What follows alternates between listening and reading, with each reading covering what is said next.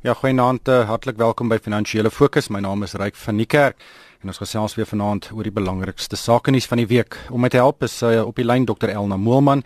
Sy is 'n ekonom by Macquarie. Goeienaand uh, Elna. Goeienaand. En uit Pretoria gesels Dawie Klopper, hy's 'n beleggingskenner by PSG. Goeienaand Dawie. Goeienaand Ryk en Elna en almal. Ja. Elna, ehm um, ons het hierdie week uh, nie eintlik 'n baie goeie week op die ekonomiese front gehad nie. Ehm um, ons is nou amptelik in 'n resessie.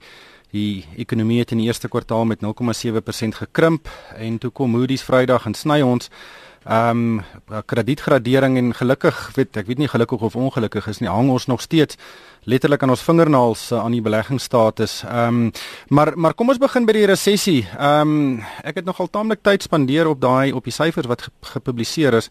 En ek moet sê ek dink ons is baie dieper in die moeilikheid as wat ek ten minste gedink het. Ehm um, waar dink jy staan ons enkeldiepte kniediepte of trek ons al hier naby ons skouers?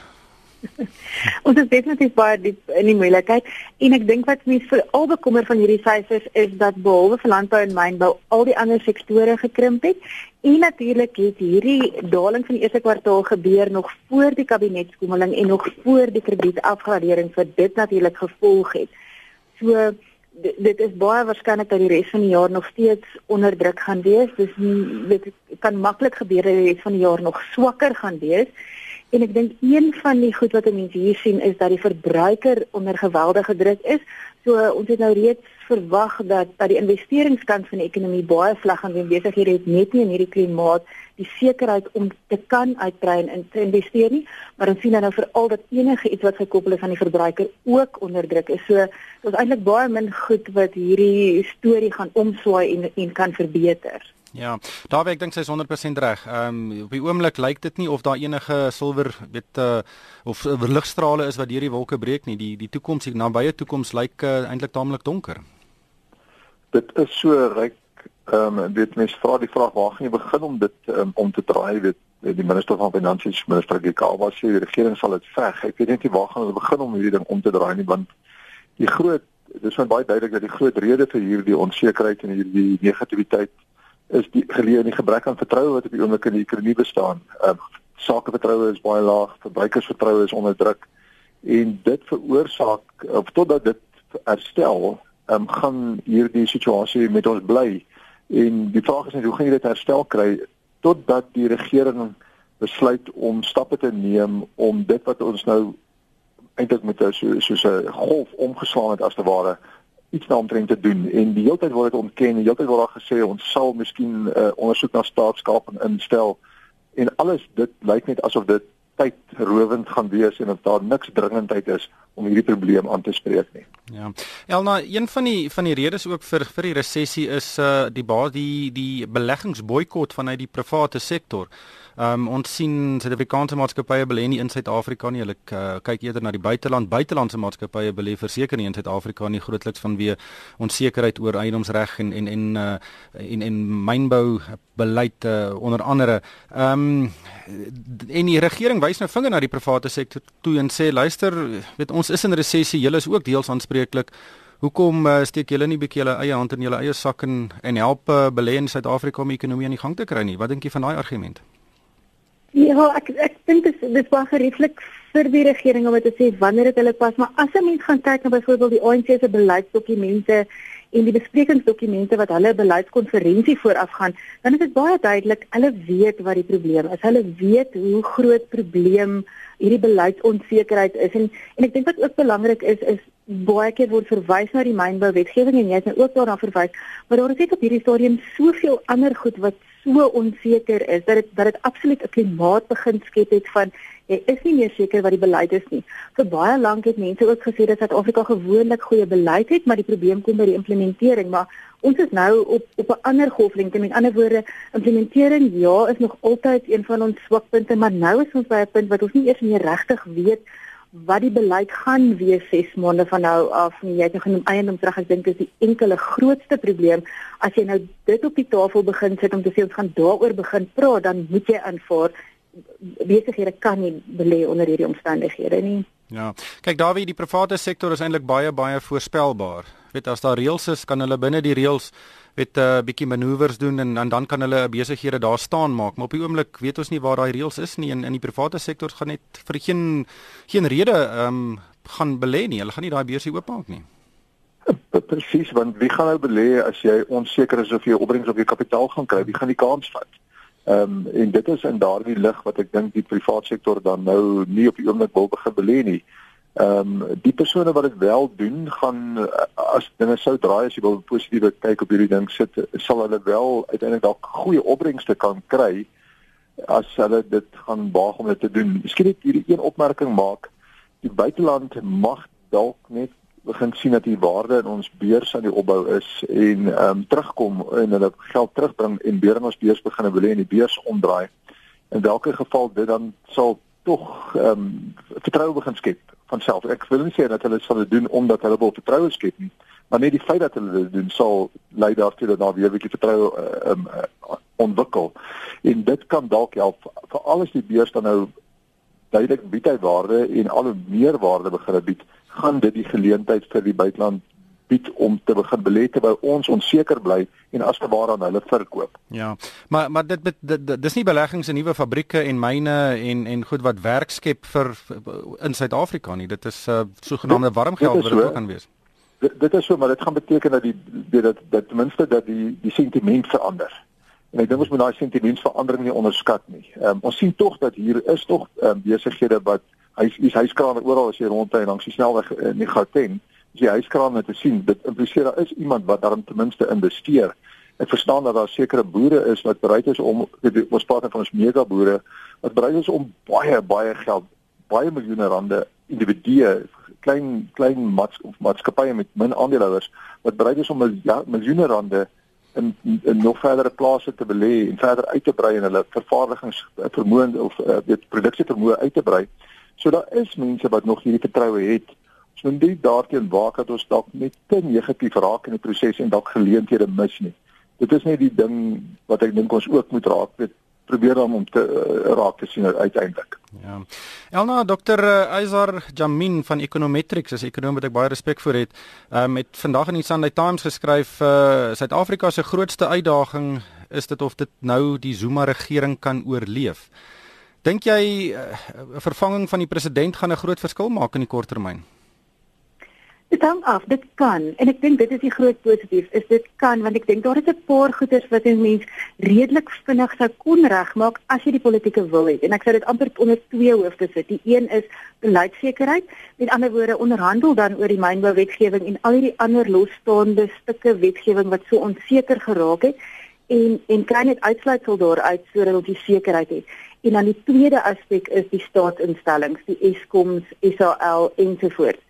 Ons het nou vir baie lank daaroor gepraat, dit is baie duidelik wat die probleme is. Die regering werk al vir 'n paar jaar aan 'n plan om om hulle te adresseer en ek dink dit is iets wat 'n mens dan redelik vinnig kan begin aanspreek. Met ander woorde, ek dink jy kan binne 6 maande met 'n nuwe leier meer sekerheid oor hierdie twee goed hê en dit sal begin om om sentimente verander en vertroue terug te bring. So dit kan redelik vinnig gebeur en dan natuurlik sal 'n mens nog in die medium en langer termyn moet kyk na behoorlike ekonomiese plan om te sê hoe maak ons onsself weer meer met meer dingend ensovoorts. Maar ek dink daai eerste hakkie is redelik maklik oorkombaar as ons wil. Ja. Uh Davie, ehm um, Moody's het ons toe ook afgegradeer Vrydag. Ehm um, dit is algemeen verwag gelukkig het is is die gradering nog een kerf bo uh, beleggingsgraad of uh, bo die sogenaamde rommelstatus. Ehm um, en wat vir my uitgestaan is is dat die rand omtrent nie beweeg het nie. Ehm um, hy het 'n paar sent verswak, maar in die konteks van hoe hy die hele week op en af gegaan het, was dit regtig eintlik uh weet verdiskonteer en, en hy bly steeds op 'n relatiewe sterk vlak. Uh, inderdaad uh, ryk ehm um, die Moody's se uh, se besluit was soos jy reg gesê het nie onverwags nie en ek dink dit is hoekom die rand dan ook nie negatief daarop gereageer het nie. Nou wil ek graag net 'n stelling maak en dit is na my dit dit gaan vir mense baie simpel klink maar die rand is so sterk omdat hy so swak is. Ehm um, op die vlak waar hy nou steeds is nog net die vlak onder die 13 kort onder die 13 of sterk net bietjie sterker as 13 rand teen die dollar is hy nog baie swak. En ek dink mense moet dit net raak sien. En as jy dit raak sien, dan gaan jy verstaan hoekom die rand van 16 rand na 13 rand toe versterk die afgelope jare wat jaar en 'n half omtrent nou. En Ja, dit is my punt. En hierdie besluit van Moody's was nie onverwags nie. Dit het nie verder gegaan en die Suid-Afrika tot by rommelstatus afgegradeer nie en daarom het die rand um, so matig gereageer en dan soos so ek nou net gesê het hy is al reeds uh, nog steeds swak. Um, al lyk dit dan vir mense op die oomblik um, relatief sterk. Ehm um, Elna, hoe hoe sien jy die afgradering en met wat wat met die geldeenheid gebeur? Ja, ek moet sê ek is nog bekommerd oor die kredietgraderings. Ehm um, tot tot baie onlangs was dit baie duidelik geweest dat Moody's debatteer watter vlak ons moet wees, maar dat hulle redelik gemaklik daarmee is dat Suid-Afrika beleggerstatus behoort te behou. En ek dink dit word nou meer van 'n debat vir hulle. So 'n uh, uh, mense nou daaraan dink dat Standard & Poor's nou reeds ons buitelandse skuld afgegradeer het na rommelstatus. So hulle het nog ons plaaslike skuld um, op beleggersvlak, maar hulle fokus eintlik op die buitelandse skuldgradering. So hulle sien ons eintlik reeds as as rommelstatus en ek dink vermoedens is dit 'n groot debat. So daai risiko is definitief nog met ons. Ek dink in terme van die rand se vlakke moet dit ook net onthou dat daar op hierdie stadium baie sterk internasionale kapitaalvloei in ontleikende markte in is dit was baie sterk geweest in die laaste paar maande en natuurlik kry ons redelik baie van daardie invloede veral in ons kapitaalmark in. So ek dink dit is een van die goed wat die wat die rand redelik ondersteun ten spyte van al hierdie hierdie ander verwikkelinge wat wat nie so rand positief is. Hm. My Elna, ek bly sommer by jou, maar die, al die graderingsagentskappe het het gesê herhaaldelik, hulle soek twee goed, nommer 1 politieke stabiliteit, dit het ons verseker nie en nommer 2 ekonomiese groei en na hierdie jongste ekonomiese data het ons dit ook nie.